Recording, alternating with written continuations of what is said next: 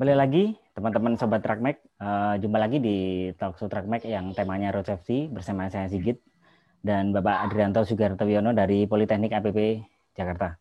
Selamat siang, Pak. Selamat siang Pak Sigit, selamat siang sobat Trackmax. Jumpa lagi hari ini bersama uh, saya dan Pak Sigit. Kabar Semoga- baik? Gimana, Pak? Ya, semoga selalu sehat dan tetap sehat dan tetap selamat. Oke, siap, Pak. Semboyannya road safety, semboyannya sobat Trackmac juga, Pak. Berarti, Pak. Oh, begitu, Pak. Oke, Baik. oke, oke, oke. Oke, kali ini temanya sedikit eh, sesuai, Pak, dengan bulan ini, Pak. Ya, Iya. iya. Judulnya nanti ya apa ya? Ya berkaitan dengan bulan ini, sesuatu yang spesial sih, global secara global yaitu Valentine. Bulannya Februari. Iya.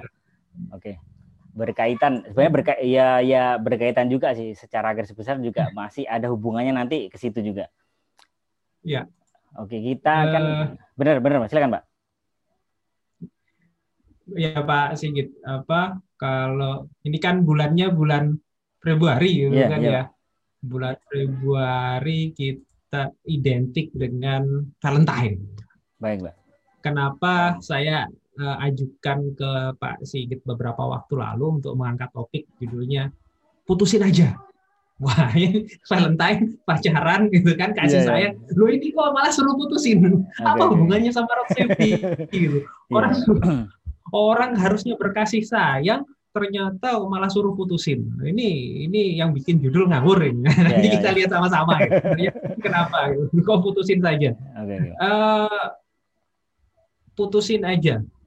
Sebenarnya cuma mau bilang begini, kalau misalkan eh, sobat Trackmax punya pacar, gitu kan, dia diapelin, begitu diapelin, ternyata ngapelinnya ngapelin bawa motor misalkan, Hmm, iya, Pak, begitu iya, Pak. ngapelin bawa motor, ternyata nggak bawain helm. Nah, ini. Nah, kalau kayak gini artinya kan apa ya sayang, Pak. Iya, iya. Iya kan? Sobat Trukmax kalau ada yang ngapain kayak gitu selama ini gimana coba? Sobat Trukmax apakah eh, kemudian ayo berangkat berangkat ya udah berangkat aja Oke, gitu. oke, iya, iya, Pak. Nggak nggak pakai helm udah deket ini. Apakah Hmm. kayak seperti itu? Yang pertama, yang kedua Iya, iya. eh, oke dijemputnya pakai mobil gitu kan. Dijemput, dijemput pakai mobil sampai di mobil eh pakai nggak pakai safety belt. Baik si apa yang jemput ataupun yang dijemput Hmm, safety belt. Atau bahkan yang jemput ini tidak menyarankan untuk menggunakan safety belt. So, apakah seperti ini disebut sayang? Enggak dikasih tahu. Ntar kalau dikasih tahu marah ya biarin marahan sebenarnya begitu. ya. Kadang-kadang takut karena ntar diambekin jadi jadi akhirnya nggak pakai safety belt ya udah biarin. Nggak pakai helm ya udah biarin. gitu. Iya, iya. Ya, Iya, Pak. Hmm. ini bu- kalau menurut pandangan saya ini bukan suatu bentuk sayang gitu kan. Bentuk sebagai justru bentuknya bentuk yang nggak sayang. Kok gitu? Nah kalau ada apa-apa? Misalkan kita nggak pernah tahu Hmm, eh, kecelakaan bisa terjadi kapan pun gitu di mana pun Iya, Pak. Iya, Pak. terhadap Iya. siapa pun.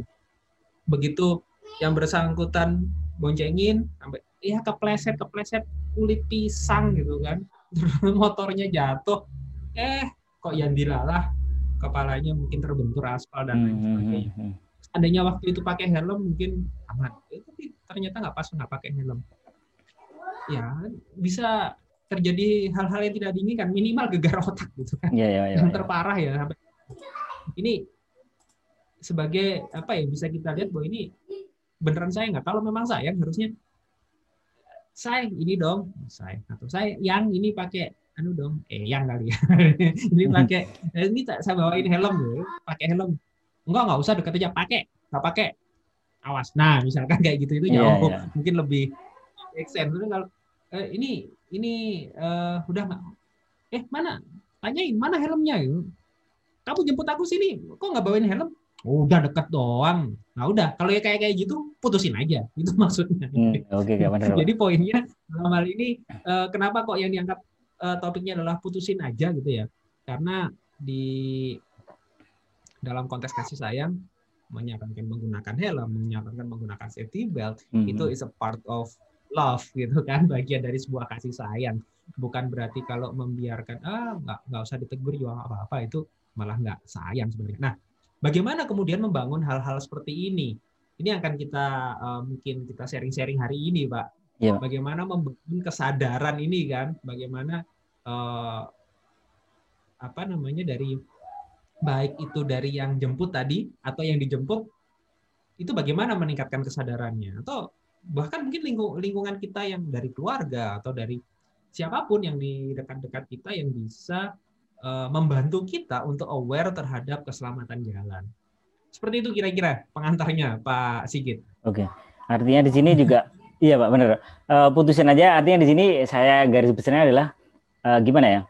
Uh, kalau bicara Valentine mungkin orang terdekat ya, tapi kan uh, tadi Pak Rian juga bilang menyinggung juga keluarga juga, kepedulian kita menghargai mungkin uh, apa dari keluarga anggota keluarga yang ayolah pakailah helm helm udah kayak gitu. Terus kalau apa istilahnya sudah klik lah terus pakai safety belt dan sebagainya ngingetin kan. Artinya kan kepedulian kita juga menghargai juga ini sebenarnya juga bentuk kasih sayang kan artinya di situ ya keluarga sih dalam arti yang betul, dalam, dalam ini Pak benar Pak ya betul Pak Uh, saya pernah coba iseng buat sedikit survei.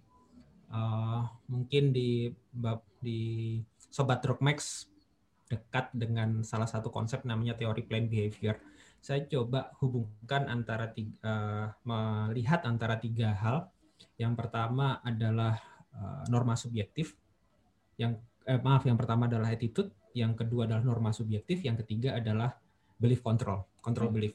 Yang pertama, attitude perilaku orang terhadap road safety itu seperti apa sih? Terhadap misalkan menggunakan helm. Uh, itu seperti apa? Kemudian yang kedua adalah subjektif norm atau norma subjektif atau eh, orang-orang di sekitarnya itu seperti apa sih uh, terhadap kita uh, terhadap, yang mempengaruhi kita terhadap peng, kita mau pakai helm atau tidak gitu. Yeah. Dan yang satu adalah control belief atau kepercayaan kita bahwa helm ini saya sanggup beli atau tidak misalkan seperti itu hmm. keterbatasan-keterbatasan yang mungkin bisa mengurangi kita nggak jadi beli helm. Oke, ternyata yang cukup signifikan nilainya uh, pada waktu itu yang sempat saya uji itu adalah norma subjektif, Pak. Jadi lingkungan kita itu ternyata sangat berpengaruh gitu. Kalau uh, muncul pertanyaan, bagaimana menjadi pelopor keselamatan? Selamat dan kemudian keselamatan ini sebenarnya berawal dari mana gitu? selain dari diri sendiri, ternyata orang di sekitar kita itu juga mempengaruhi atau membentuk perilaku kita akan uh, keselamatan tadi. Contoh adalah yang saya uh, saya ukur adalah menggunakan helm itu tadi. Keluarga, lingkungan, hmm. kemudian uh, teman-teman. Di situ sekitarnya itu bisa meliputi keluarga, teman-teman kantor, teman-teman komunitas dan lain sebagainya. Itu adalah uh, yang waktu itu saya coba ukur mana sih apakah mereka mereka ini cukup cukup mempengaruhi? Ternyata Pak, hasil ukurannya yang tertinggi itu keluarga Pak sebenarnya. Okay. Jadi keluarga ternyata. Hmm, yeah, yeah. Jadi kasih sayang ini kasih ternyata ya mungkin ya kasih yang dari keluarga ini yang cukup besar sebenarnya.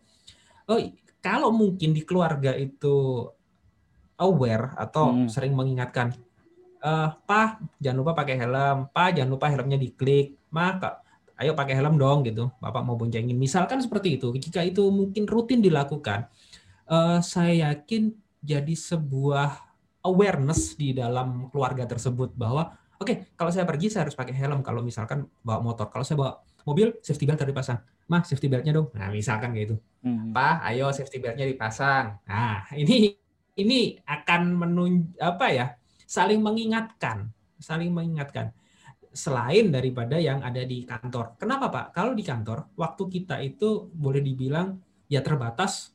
Oh ini kan urusan kantor, selesai-selesai. Contoh, saya katakanlah saya bekerja di sebuah perusahaan. Nah perusahaan tersebut aware terhadap road safety. Gak pakai safety belt, denda misal. Yeah, Gak iya. pakai helm, denda. Oh, di persimpangan, kayak di misalkan di tambang kan bisa biasanya begitu. Di persimpangan kalau uh, tidak berhenti, pecat sampai sampai se ekstrim itu pak. Nah uh, yang terjadi adalah orang ketika di lingkungan kantornya dia akan sangat disiplin terhadap lalu lintas. Begitu pulang ke rumah ke keluarga lupa lagi pak. Kalau nggak keluarganya ikutan support hmm. gitu kan hmm. terhadap uh, road safety ini tadi. Ya, ya. Di kantor pakai helm, di rumah enggak pak. ini ini apa ya? Uh, jadi awareness ini memang harus di ada di setiap pihak, ada di sekitar harus di sekitar kita. Tapi yang bisa memaintain ini semua balik lagi adalah kepada kesadaran kita. Begitu dibilang, eh, ini oh iya ya saya punya keluarga yang mungkin akan menunggu saya di rumah. Kalau saya ada apa-apa gimana dong kalau saya nggak pakai helm dan hmm. lain sebagainya. Ini ini yang perlu dibangun ya. Salah satunya yang dengan membangunnya dengan dari lingkungan tadi, harapannya kemudian muncul dari dirinya sendiri uh, menjadi sebuah awareness yang kemudian uh, apa ya sudah jadi nggak cuma niat akan menjadi behavior menjadi peri, perilaku itu yeah, yeah, yeah, menjadi perilaku yang apa ya sudah ah udahlah pokoknya keluar pasti helm kalau nggak pakai helm pasti rasanya beda aja kayak gitu pak kira-kira yeah, yeah, gambarannya yeah. Uh, kalau uh, dari sisi apa bagaimana kemudian kita menjadi pelopor keselamatan bagaimana kita me, apa bagaimana kita membangun awareness terhadap keselamatan terhadap baik diri kita sendiri maupun lingkungan. Ya, Seperti ya. itu, Pak. Ya. Biasanya kan uh, kalau mereka sudah sering, artinya orang-orang ini berada di sekitar keluarga yang istilahnya uh, kebiasaan baiknya ya tadi memakai helm, safety dan sebagainya kan nanti uh, seiring dia tumbuh anak-anak tadi kan juga menularkan kebiasaan baik mereka mengingetin pasangannya, ngingetin entah dia teman kampusnya dan sebagainya kan. Ya. Aku ke deket sini loh ini nggak helm udah pakai aja nggak apa-apa deket demi. Nah, akhirnya kan dia ngingetin ngingetin ngingetin ya, ngingetin temannya. Nanti pun kalau dia keluar dari keluarga entah dia kos atau bekerja di mana kan kebiasaan baik ini yang awal dari keluarga tadi ya saya setuju sekali. Jadi akan ya. dibawa terus pak. Dan uh, istilahnya ya continue dia akan menularkan. Jadi menumbuhkan bibit-bibit. Ya seperti tadi ya nih. Betul pak. Setuju saya. Ya kayak uh, ini yang kami sendiri di Poltek APP juga agak kesulitan kalau kami harus involve banyak. Maksud saya begini, yang terjadi di di mahasiswa kami sebagai contoh, yang apa-apa ini kalaupun dianggap aib ya saya yakin sebagai pelajaran untuk kita semua sih saya pikir. Dan ini saya yakin dan percaya tidak hanya terjadi di kami di Poltek APP. Jadi mahasiswa yang tinggalnya dekat uh, yang ngekos dekat kampus. Mm-hmm. Yang terjadi kalau ke kampus nggak pernah pakai helm, Mbak. Nah. ini ini ini yang muncul. Kemudian pernah saya coba tes case. Oke, saya tampilkan apa? Ketika yuk saya mau sharing sesuatu nih buat teman-teman mahasiswa, saya bilang begitu.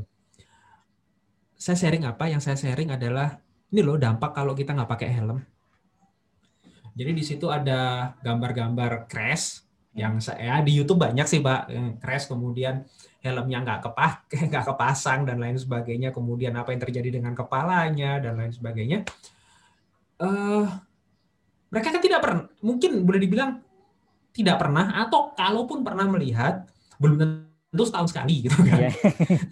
begitu belum tentu setahun sekali gitu bisa jadi lima tahun yang lalu pernah lihat traumanya kan udah hilang Yeah. Iya. Begitu dimunculkan, traumanya naik kan Pak. Wih, iya, ngeri nih gitu. Ini ini sesuatu yang yang berbahaya buat saya. Awareness-nya naik Pak, tapi tidak akan lama. Hmm. Nah, yang jadi tantangan dari kita adalah bagaimana mengedukasi mereka itu adalah dengan memberikan apa ya stimulus yang terus-terusan.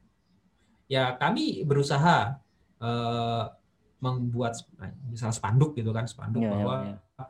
Uh, gunakan helm dan lain sebagainya. Tapi saya pikir hari itu juga belum cukup. Mem, uh, kami coba berusaha misalkan ke kampus nggak pakai helm, denda. Nah ini hmm. apakah memungkinkan seperti itu atau memang harus membuat hal-hal rutin yang bisa di apa ya, yang bisa dibuat supaya awarenessnya mereka naik. Kenapa? Karena uh, waktu itu saya pernah ajak hal-hal seperti ini adalah karena kami menuju akreditasi internasional pada hmm. waktu itu. Hmm. Jadi mereka concern terhadap safety kan. Ayo uh, safety-nya kampus seperti apa? Uh, jadi yuk kita coba mulai campaign tentang road safety ini. Belum jalan belum lama, yang uh, baru setahun, awareness-nya belum cukup dibangun, tiba-tiba ya COVID ini dan sampai sekarang. Jadi yeah, yeah. progresnya otomatis tidak terlalu kelihatan sekarang ini. Entah nanti kalau sudah offline, harapannya sih bisa jauh lebih baik. Seperti itu sih, Pak. Jadi edukasi memang uh, edukasi keselamatan ini bukan hal yang uh, sekali diajarkan pasti akan nyantol yeah. selamanya. Nggak mungkin, Pak. Harus ada apa ya? harus ada pendukungnya, harus ada yang membuatnya jadi sustain, harus ada yang harus terus menerus berkesinambungan. Eh, begitu sekali muncul, hilang ya sudah selesai, nggak akan ada apa-apa, nggak akan ada bekasnya. Kecuali hal tersebut sangat berkesan. Hmm. Yang sangat berkesan aja kadang-kadang juga lupa gitu. Yeah. Artinya ada udah pernah kecelakaan. Oh iya saya kalau kayak gini ternyata celaka tuh. Ntar sebulan dua bulan. Nah itu pak. Setahun.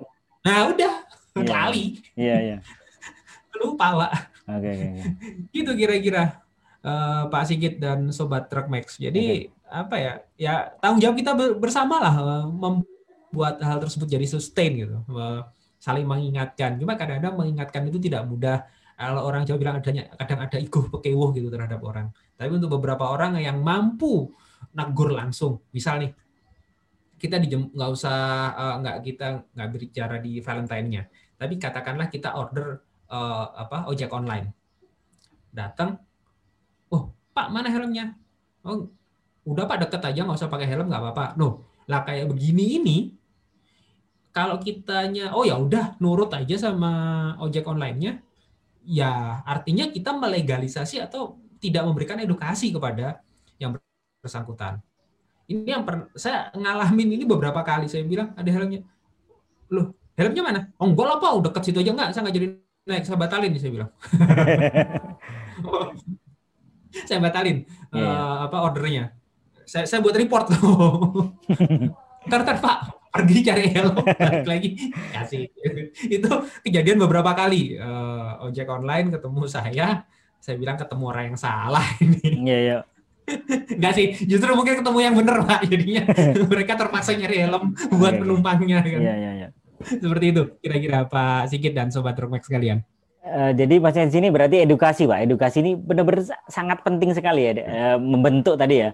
Uh, saya balik lagi tadi Pak Irian yeah. sempat mengutip tulisan Pak. Orang-orang mungkin satu yeah. kalau misalkan di di di tempat-tempat tertentu ya di kampus atau fasilitas umum dikasih tulisan satu dua kali dia ke situ lihat mungkin oke okay, ingat besok-besoknya.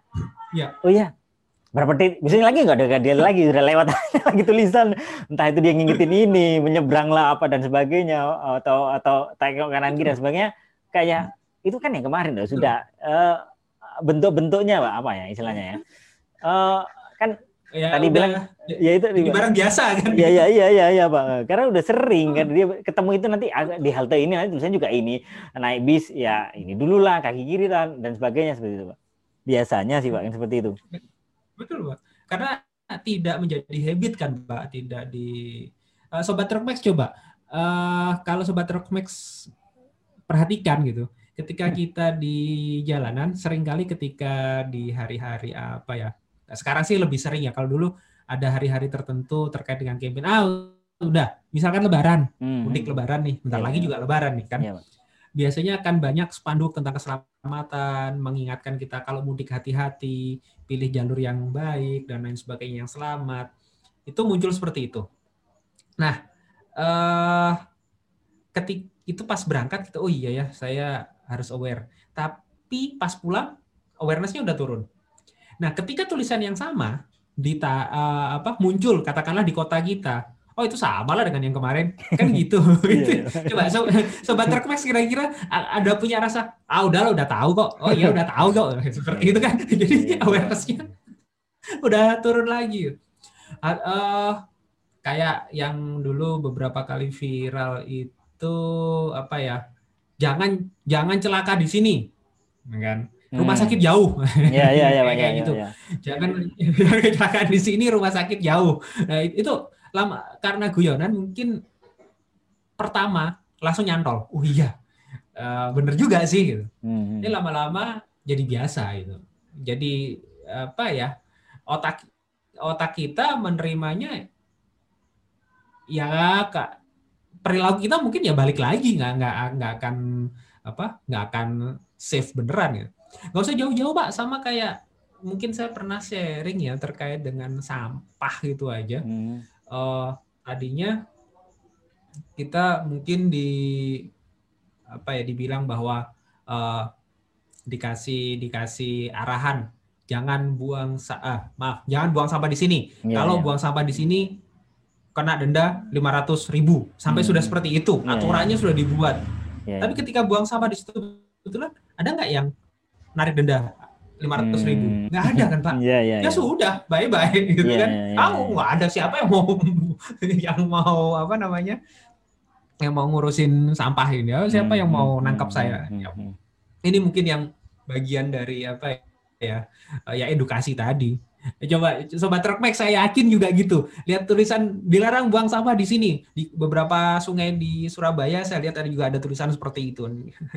dilarang buang sampah atau denda 500 ribu. Itu dari tahun boh sampai sekarang saya ya ada yang nangkap nggak sih? Di Jakarta pun juga apa ada yang nangkap nggak sih? Enggak, Pak. Jadi ya begitulah kira-kira. Okay, Itu terkait dengan edukasi. Iya, yeah terkait tadi tulisan Pak, saya sempat sempat, sempat ya. ingat tadi ini. Uh, saya mau tanya sedikit mungkin ada studi ya, studi di di, ya. di atau di di, di, di uh, Pak Rian juga ngasih bisa saya sharing informasi juga. Uh, ya. Di lingkungan itu orang-orangnya tertib Pak, dia ke bawah, dia, sedangkan dia sendiri hidupnya udah biasa buang sampah sembarangan lah. Sedangkan di situ apa ya istilahnya? Uh, kondisinya bukan kondisi bukan diciptakan, or, dia bersama orang-orang yang uh, istilahnya tertib, patuh dan sebagainya sesuai aturan, sebagainya istilahnya mengikuti pak. Uh, safety-nya dijaga ya. banget lah. Dia sendiri uh, dan lama-lama orang ini nanti terpengaruh juga. Uh, dia berkelakuan baik, terus tiba-tiba dia pergi ke suatu tempat atau pindah atau mutasi ke mana dan sebagainya. Dia membawa itu. Ini ini ada studi nggak seperti atau atau mungkin ada pengalaman ada sharing pak tentang tentang hal seperti ini pak? Uh, jadi maksudnya yang ya yang buang sampah sembarangan atau yang justru yang orang baik yang membuang sampahnya tertib nih pak? Nah, maksudnya gini pak, uh, lingkungan uh, kerjanya kalau, ya. Mungkin gini, kalau uh, ini terus terang saya nggak punya studinya yeah. pak, tapi uh, menurut ya teman-teman yang ngobrol-ngobrol dan lain sebagainya, uh, sobat Trukmax, sobat Trukmax, kalau pergi ke Singapura, apa yang akan dilakukan? kita jadi tertib nggak? Hmm, iya, ya, ya, ya. Bisa kan sampai muncul istilah uh, Singapore is a fine city. Jadi apa pun di denda gitu. Yeah, yeah. Kalau bikin masalah denda, bikin masalah denda, bikin yeah, masalah yeah, denda yeah, gitu. Yeah, yeah, yeah. Dendanya munculnya mungkin belakangan gitu kan yeah, pas yeah. ngurus apa kena gitu kan yeah, karena yeah, semua yeah. banyak CCTV. Nah, kita sedemikian tertib gitu di sana. Tapi begitu kita balik Indonesia, apakah kita akan jadi tertib ketika kita di Singapura?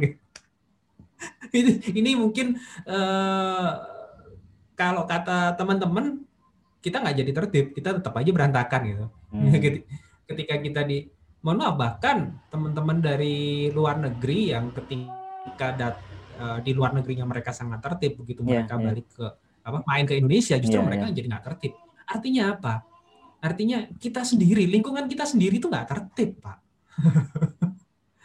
Uh, udah kita misalkan jalan ke suatu tempat yang mungkin banyak pendatang dari luar negeri gitu. Hmm. Apakah mereka pakai helm ketika bawa motor?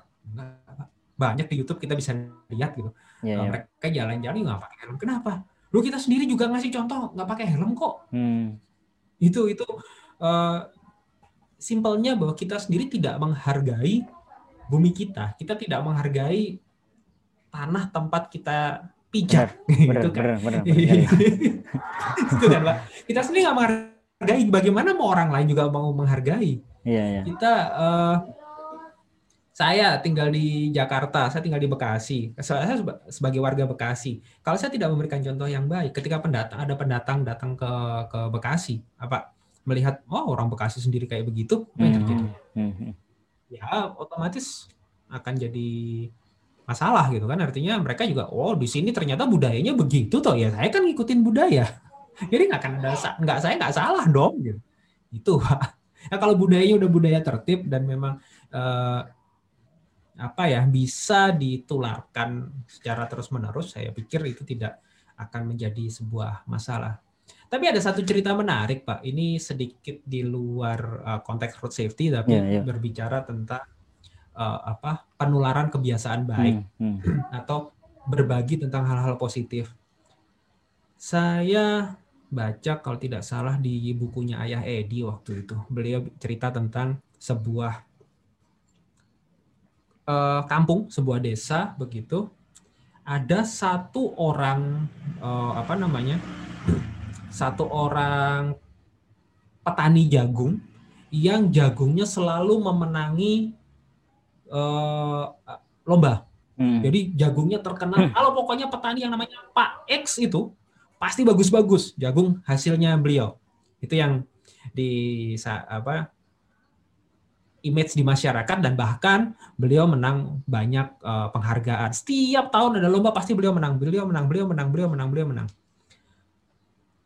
Dan yang menarik adalah lingkungan itu seluruh kampung itu jagungnya bagus-bagus. Tidak ada jagung yang jelek. Iya, yeah, iya. Yeah ketika si Pak X ini ditanya oleh jurnalis, Pak, apa sih rahasianya yang membuat Bapak jadi selalu menang? Uh, apa ya? Saya sih tidak melakukan apa-apa. Saya cuma berbagi benih saya yang bagus, bagaimana saya mengelola jagung saya yang bagus kepada warga di sini. Loh, kok bisa gitu? Kalau uh, apa nggak takut nanti dicontek, kemudian bapak kalah bersaing, kalah nggak dapat jagung yang bagus atau bapak malah kalah di kompetisi tahunan hmm. tanya jurnalis tersebut. Oh tidak. Justru kalau saya tidak memberikan teknik-teknik terbaik yang saya lakukan kepada masyarakat di sini apa yang akan terjadi? Masyarakat di sini akan menghasilkan jagung yang buruk. Bahkan mungkin ada kutunya ada warangnya yang warang itu juga akan nyerang kebun saya. Hmm, hmm, hmm. Benar, Pak. Loh kalau ini nyerang kebun saya, ya saya juga ikutan hancur toh. Nah, iya, iya, iya. Nah, ini part of awareness-nya. Jadi ketika memberikan suatu nilai kebaikan kepada orang lain, itu pasti juga akan mengembalikan hal yang baik terhadap kita. Ketika kita menjaga lingkungan kita, kita menjaga area kita supaya orang-orang tidak apa tetap menggunakan helm, tetap berperilaku baik, tetap berperilaku selamat. Saya yakin ya kayak tadi kecelakaan dan lain sebagainya akan bisa diturunkan, akan bisa ditekan bahkan mungkin zero accident.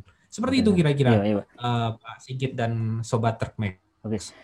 Oke, saya ambil sedikit sedikit apa ya tadi simpulan dari sekian cerita Pak. Kalau diri kita selamat ya, Pak, diri kita baik, uh, orang lain akan istilahnya ikut selamat, ikut baik juga.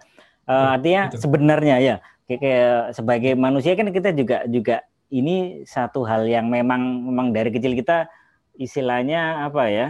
Uh, kalau udah mungkin dari anak-anak sih uh, bilangnya sih uh, fotokopi terbaik. Jadi ngopi persis nyontok ya, terbaik. Jadi jadi karena ya tadi balik lagi ke ke ke tadi petani jagung tadi, Pak. Jadi artinya di di safety sendiri pun uh, selain edukasi tadi, balik lagi ke keluarga tadi yang kasih sayang tadi, Pak.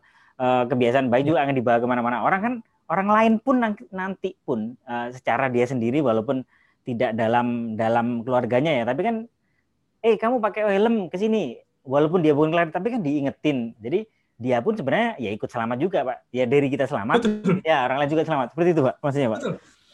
Betul pak. Setuju pak. Setuju. Jadi uh, dalam konteks selamat tadi begitu kalau kita ambil analogi yang jagung tadi begitu kita mengajak yang lain selamat kita memberikan contoh-contoh yang baik tentang keselamatan dan kemudian orang lain bisa ikut ya jadi akan terbentuk satu komunitas yang yeah. selamat, satu komunitas yang uh, yang baik. Ya itu itu harapannya seperti itu. Nah kalau misalkan dikaitkan dengan yang tadi di di awal bahwa kalau di perusahaan kita sebagai pegawai perusahaan di perusahaan meng, me, apa, menerapkan bahwa safety first bahwa mm -hmm. itu akan putus di perusahaan begitu sampai rumah tidak ada sustain yang seperti tadi tidak ada hal-hal yang pendukungnya yang membuat kesadarannya ini bertahan, kesadaran tentang keselamatan bertahan, ya bubar. Ya, jadi makanya gini Pak, kalau uh, berbicara tentang safety di teman-teman di K3 itu, mungkin saya kemarin sempat uh, sampaikan yang 3E. Iya Pak. Ya. Nah, cuma sekarang E-nya yang eh maaf 4E, E yang ketiga E-nya kemarin sudah yang E yang keempatnya baru ketemu, Pak. Jadi berbicara tentang safety, yang pertama itu ada education, yeah. kedua engineering, yang ketiga adalah uh, enforcement. Hmm. Jadi kita belajar tentang keselamatan seperti apa, kemudian ada pengembangan penelitian penelitian tentang keselamatan dibangun. Oh, jalan yang aman itu seperti ini, ban yang bagus untuk nempel di aspal seperti ini dan lain sebagainya. Oh, mau motor yang berkeselamatan seperti ini, helm yang bagus standarnya sekarang menjadi seperti ini dan lain sebagainya. Itu bagian dari engineering. Yang ketiga adalah uh, apa?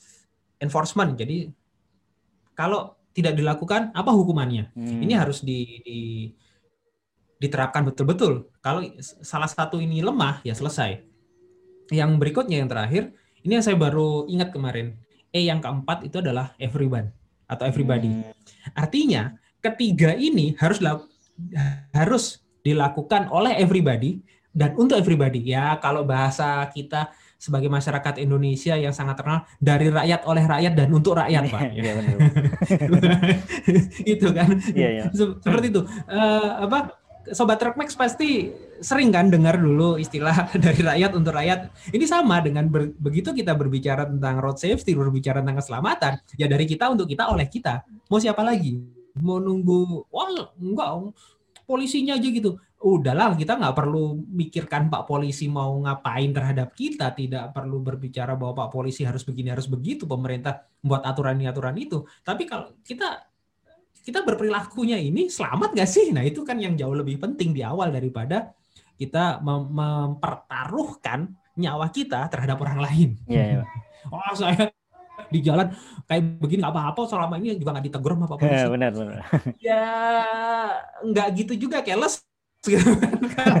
Kalau berpikirnya seperti itu, yang nggak selesai selesai masalahnya.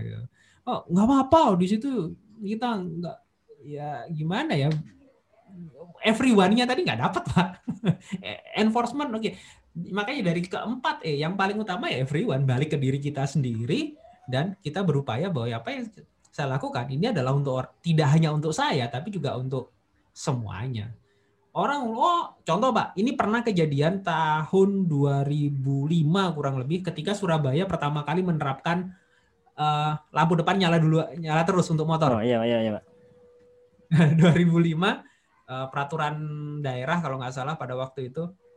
Nah, Jakarta kan belum. Belum. 2005 saya nyalain, Mbak. Di Jakarta. Yang yeah. ada apa? Diteriakin orang sepanjang jalan. Mas, lampu Mas gitu. ya, setiap di jalan lampu lampu lampu. Iya udah sudah kebal saya beriakin lampu. Sampai saya itu nyediain uh, fotokopian sebuah artikel dari sebuah surat kabar pada waktu itu yang membahas tentang penerapan lampu itu dan kapan hmm. akan dilaksanakan. Saya potong saya clipping saya fotokopi. Itu saya fotokopi kalau ada yang uh, protes Mas yeah. lampu mas gitu. Ya saya, saya kasih pak yeah, yeah. jalan lagi. Oh gitu ya. Uh, memang tidak mudah gitu. Uh, apa ya effortnya agak agak capek juga sih pak. Capek artinya harus motokopi harus ngasih edukasi seperti itu. Tapi uh, ya buat saya sih seneng aja melakukan hal tersebut gitu. Mungkin uh, ini ini part of apa ya campaign tentang road safety bahwa oh ternyata head on head on head headlamp on itu penting loh lampu utama menyala itu penting loh bahwa supaya kita uh, aware bahwa ada kendaraan terutama motor. Kenapa? Karena lampu ini ternyata hitung-hitungannya adalah kalau tanpa lampu kendaraan kita, kita bawa motor nih. Hmm. Nah, katakanlah pengendara mobil uh, di pengendara lain itu akan aware keberadaan kita dalam jarak kurang tanpa lampu kita nggak menyalakan lampu itu kurang lebih sekitar 500 sampai 700 meter. Mereka oh ada kendaraan lain oh ada kita di situ. Nah, kalau lampu itu nyala, jadi sekitar satu kilo sampai satu setengah eh ya satu satu sampai satu setengah kilometer itu terdeteksi. Oh, kelihatan sudah dari sekitar satu setengah itu karena bahasanya hitung-hitungannya penelitiannya di US itu pakai mil kan, jadi yeah, yeah. kurang lebih satu mil lah itu sudah kelihatan. Oh oke, okay. Itu itu yang apa uh, yang pernah saya pahami Gitu kira-kira Pak Sigit dan Sobat Trukmax sekalian. Jadi uh, balik lagi di pengalaman tadi Pak Rian. Ini uh, menjadi ya, pelopor Pak. ini, iya Pak, menjadi pelopor ini uh, sepertinya tugas berat Pak. Ya dari tadi dari rakyat dari saya itu dari tadi. Saya memandangnya seperti itu tadi. Tapi kan menuju ke sana, menuju ke sana kan orang-orang di sekitar iya. kita nanti kan akan menerima apa ya? Istilahnya ya aura baiknya, menerima segi positifnya kan. Entah dia ikut Iya. Ah, aku ikut ah, ikut ikut baik maksudnya kan ikut uh, ikut mematuhi peraturan lalu lintas, terus ikut juga berkontribusi dalam artinya dia eh katanya ini ini loh gini gini loh. Ya sudahlah pakai helm. Ada kayak gini. Jadi sebenarnya eh, apa ya menjadi pelopor keselamatan juga juga memang memang perlu perlu saya ngomong tadi pak eh, tentang peraturan yang iya. pakai lampu tadi perlu eh, tekad sebenarnya pak. Sebenarnya pak. Mungkin iya pak.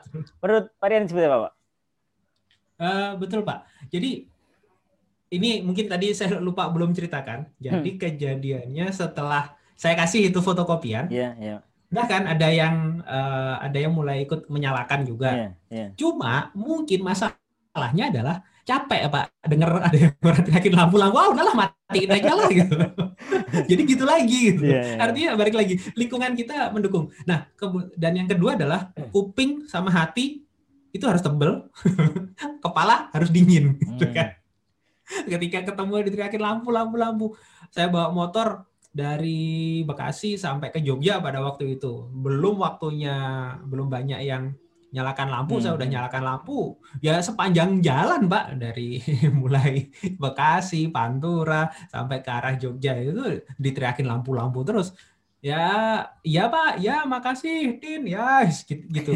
Nah, baik lagi tadi kejadiannya adalah kenapa tidak banyak, ada yang ikut beberapa, kemudian diamatin lagi, ada yang berpikir apa ya me, uh, ya tadi yang pertama adalah mereka mungkin bosan juga kan ditegur terus dengar ah ini belum wajib ini kok nah, itu pak uh, belum belum wajib jadi sekarang nggak usah juga nggak apa-apa tuh kedua ada yang komplain bukan komplain ya ada yang menyatakan pendapat bahwa menyalakan lampu eh, kendaraan siang hari itu memperboros apa ya memperboros aki dan lain yeah, sebagainya. Yeah. Bohlam jadi lebih cepat putus.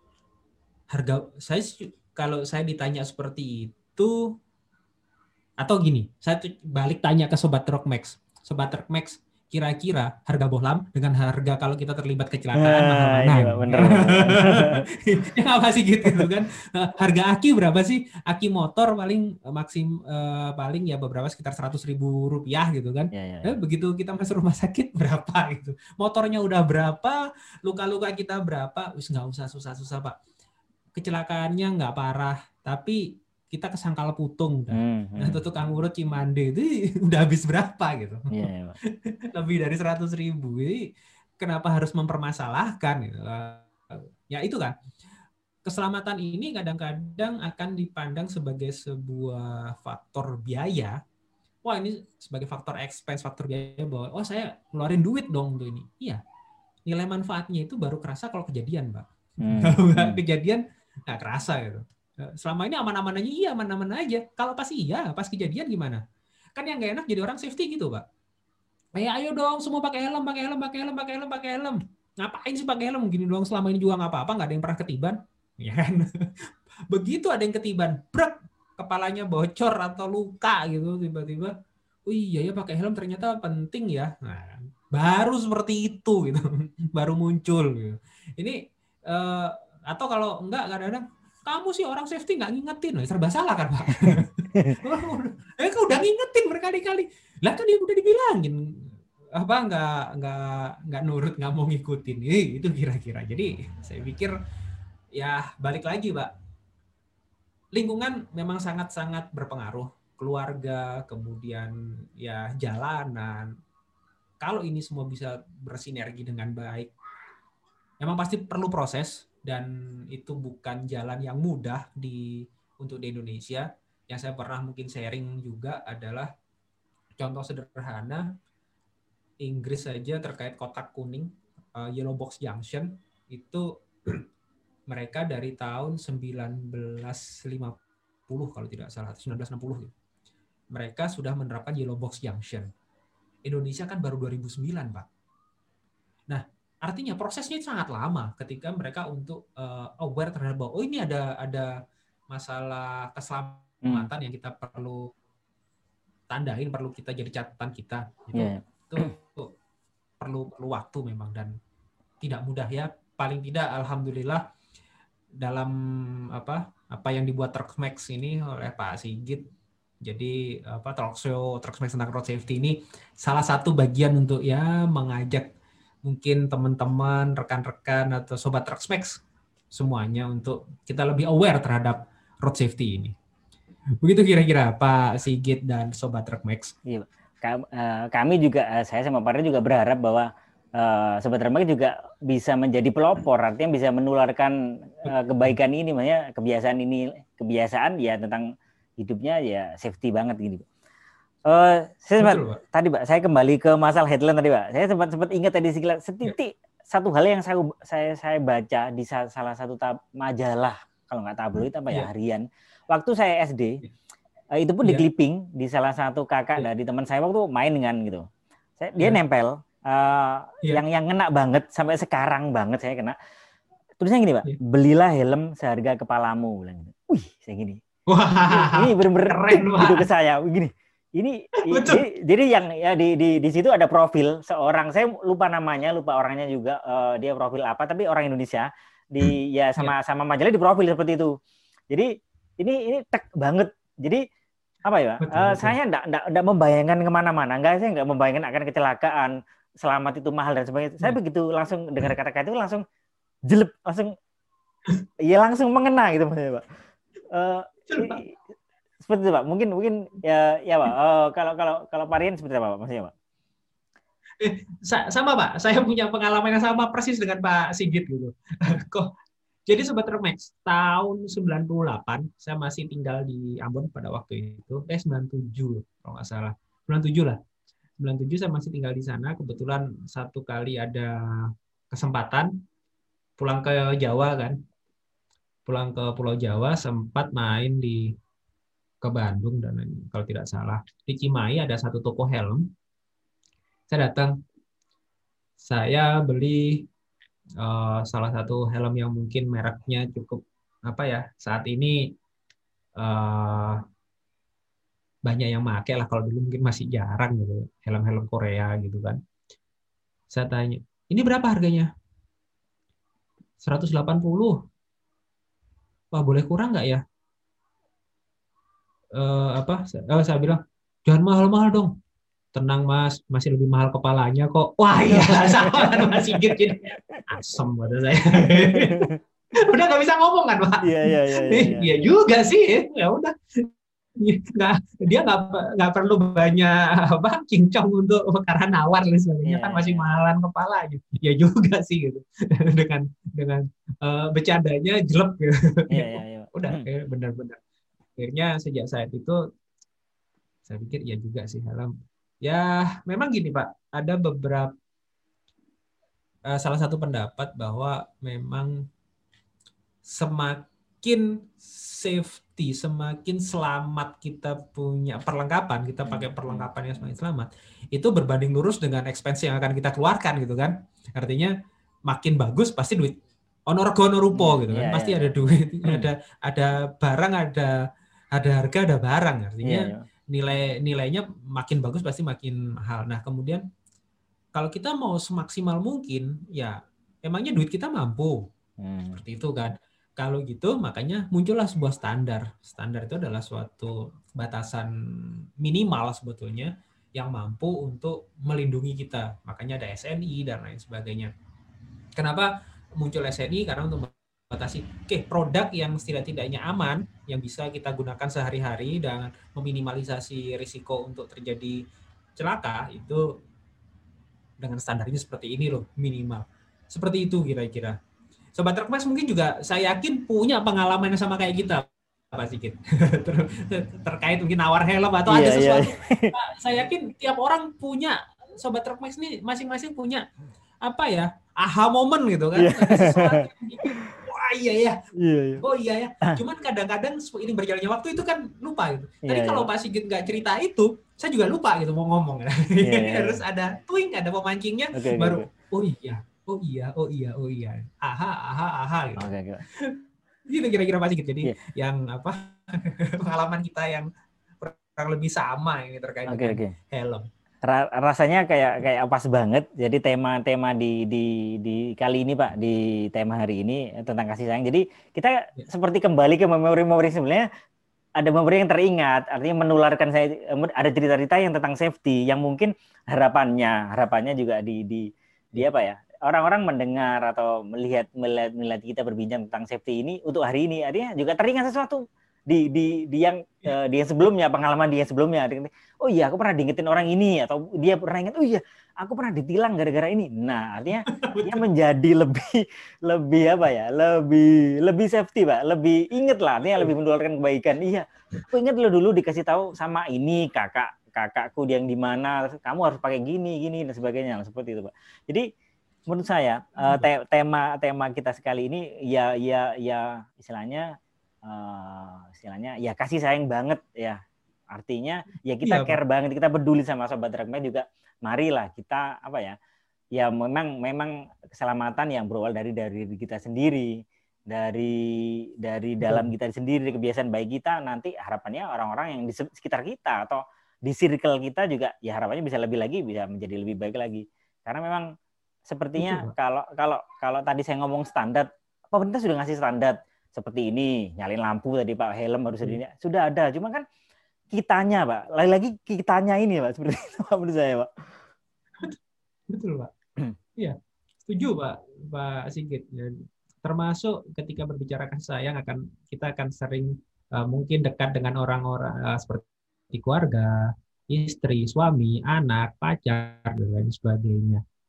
Saya tertarik untuk melihat di beberapa kepolisian daerah ketika lebaran dan lain sebagainya suka membuat spanduk. Ada ada spanduk yang saya pernah baca. Hati-hati di jalan, Mas. Wah, apa? Saya masih belum siap jadi jandamu. Hmm. Katanya kan kayak seperti yeah, itu. Iya, nah, yeah, yeah. ini uh, sesuatu yang unik. Mungkin kapan-kapan di acara kita hari ini saya akan ajak teman saya, dosen juga. Dia pernah meneliti tentang kata-kata ini dan dampaknya, Pak. Oh gitu. Iya, iya. Boleh, Pak, boleh, iklan, boleh, iklan, boleh. iklan iklan seperti ini dan uh, dampaknya seperti apa. Kebetulan beliau juga cukup apa ya, cukup aware terhadap road safety. Uh, dosen di di salah satu kampus di Jawa Barat nanti insya Allah kapan-kapan saya ajak kita bahas khusus tema tentang kata-kata lucu ini ya. Apakah itu dampaknya seperti apa gitu. Terus terang kalau saya yang komen saya belum pernah melakukan penelitian itu. Nanti malah yeah, salah yeah, gitu. yeah, yeah. nanti coba kita uh, ajak sama-sama ngobrol di di apa bersama sobat Trukmax di acara ini. Seru itu pak. Jadi, bicaranya kasih sayang bapak jadi kasih sayang kayak tadi misalkan oh iya ya saya jadi ingat istri saya di rumah oh iya saya jadi ingat anak saya di rumah saya ingat orang tua saya di rumah gitu uh, saya makanya kalau ada yang apa pacar datang jemput kemudian tidak memberikan arahan untuk hmm. keselamatan hmm. atau tidak ada indikasi bahwa akan mengajak ke arah keselamatan ya putusin aja gitu kira-kira. Oke, siapa? Oke memang sih memang bukan bukan suatu tugas mudah. Ya kita uh, sudah ada aturan sudah ada kebijakan sudah ada regulasi di di di Indonesia juga. Cara sih berlalu lintas yang baik. Tapi kan tetap tetap tetap kita pelakunya tetap aturan itu sebenarnya sudah membuat uh, men, istilahnya menun, ya mengarahkan kita ke arah yang kebaikan menjadi safe, lebih safety lagi. Juga Betul. harapannya harapannya juga kan harapan besar pemerintah sendiri dengan mengeluarkan regulasi tentang safety tadi ya semuanya akan selamat gitu loh. Bukan bukan disuruh ngeklik helm biar ini disuruh nyalain lampu biar boros kaki enggak seperti itu sebenarnya kan tujuan pun enggak seperti itu juga. Lah ya benar Pak. Lagi jadi biar kenapa tadi? Uh, saya sempat sebentar saya, saya mau jelasin tentang visibilitas, visibilitas tadi Pak. Artinya kan ya, uh, kalau kendaraan tadi kan dari jauh kelihatan oh ada kendaraan sini. Entah dia sedikit ya. ngantuk atau oh ada lampu oke aku hati-hati entah dia lebih ke kiri atau ngapain kan? Sebenarnya dari dari nyalain lampu aja yang yang orang-orang dia banyak kontranya dulu. Nanti aku tekor. Wah boros ini lampu string putus lampuku panas gini. Nah ini iya. ini kan di luar itu kan pak. Artinya juga lihatlah sisi baiknya. Gambaran besarnya adalah uh, kendaraan kita menjadi terlihat uh, dari arah berlawanan atau mungkin pencahayaan kalau kalau mungkin agak mendung ya atau mungkin banyak kendaraan kan kita mencolok pak seperti itu sih mana jadi betul pak jadi pelopor keselamatan ya memang kembali lagi ke diri kita kita harus harus tetap betul. tetap membawa itu ke mana pun ada di mana pun kalau saya sih Betul, Pak. seperti itu Pak. Mungkin uh, dari Pak Rian ada ada ada kalimat penutup lah untuk untuk mengakhiri Setuju. tema di kasih sayang hari ini Pak. Uh, baik Pak Sigit, uh, sobat Trackpack sekalian. Jadi uh, seperti yang kita sudah sharing-sharing di hari ini bahwa berbicara tentang kasih sayang itu bukan hanya saja terkait dengan pacar gitu kalau di hari Valentine. Kasih sayang ini kita artikan secara lebih luas. Secara lebih luas yaitu tidak hanya sebagai pacar, tapi juga sebagai dengan keluarga, orang tua, anak, istri, suami, seperti itu. Kakak, adik, dan lain sebagainya. Nah, awareness ini perlu dibangun, tidak hanya apa ya, tidak hanya untuk diri kita sendiri, tapi juga harapannya bermanfaat untuk banyak orang. Dan lebih luas daripada lingkungan keluarga, yaitu lingkungan kantor dan bahkan dalam kehidupan berbangsa dan bernegara, gitu, hmm. lebih seperti itu. Harapannya adalah semua orang itu akan menjadi orang yang berperilaku berkeselamatan, sehingga ya jangan lagi ada nyawa terbuang sia-sia di jalanan. Karena kalau habis di jalanan itu namanya mati konyol. Ya mohon maaf bahwa apa ya kalau boleh dibilang saya yakin sobat Max siapa pun tidak ingin mengalami yang namanya kecelakaan, hmm, hmm, tidak ingin mengalami kematian di jalan hanya karena kematian karena kecelakaan dan juga tidak ingin meninggalkan keluarga siapa pun dengan kondisi yang seperti itu juga saya yakin tidak ingin melihat keluarga kita terlibat kecelakaan dan meninggalkan kita dalam kondisi seperti itu. Untuk itu tentunya langkah yang terbaik. Yuk kita mari berkasih sayang dalam konteks road safety ini. Kita saling mengingatkan kepada siapa pun dengan kemampuan kita. Semaksimum yang kita mampu, semaksimum yang kita bisa lakukan untuk mengingatkan, saling mengingatkan bahwa supaya kita bisa lebih berkeselamatan lagi di jalan. Dan kembali seperti temanya uh, judulnya bahwa putusin aja apabila ada yang tadi konteksnya ada yang tidak me, terutama yang masih belum jadi ya kalau ada yang datang jemput dan sebagainya tidak menawarkan solusi keselamatan putusin aja kok gitu ya artinya dia sendiri sudah menunjukkan bahwa yang bersangkutan tidak peduli terhadap kita. Demikian Pak Sigit dan Sobat Trukmax yang bisa saya sharing di hari ini. Terima kasih.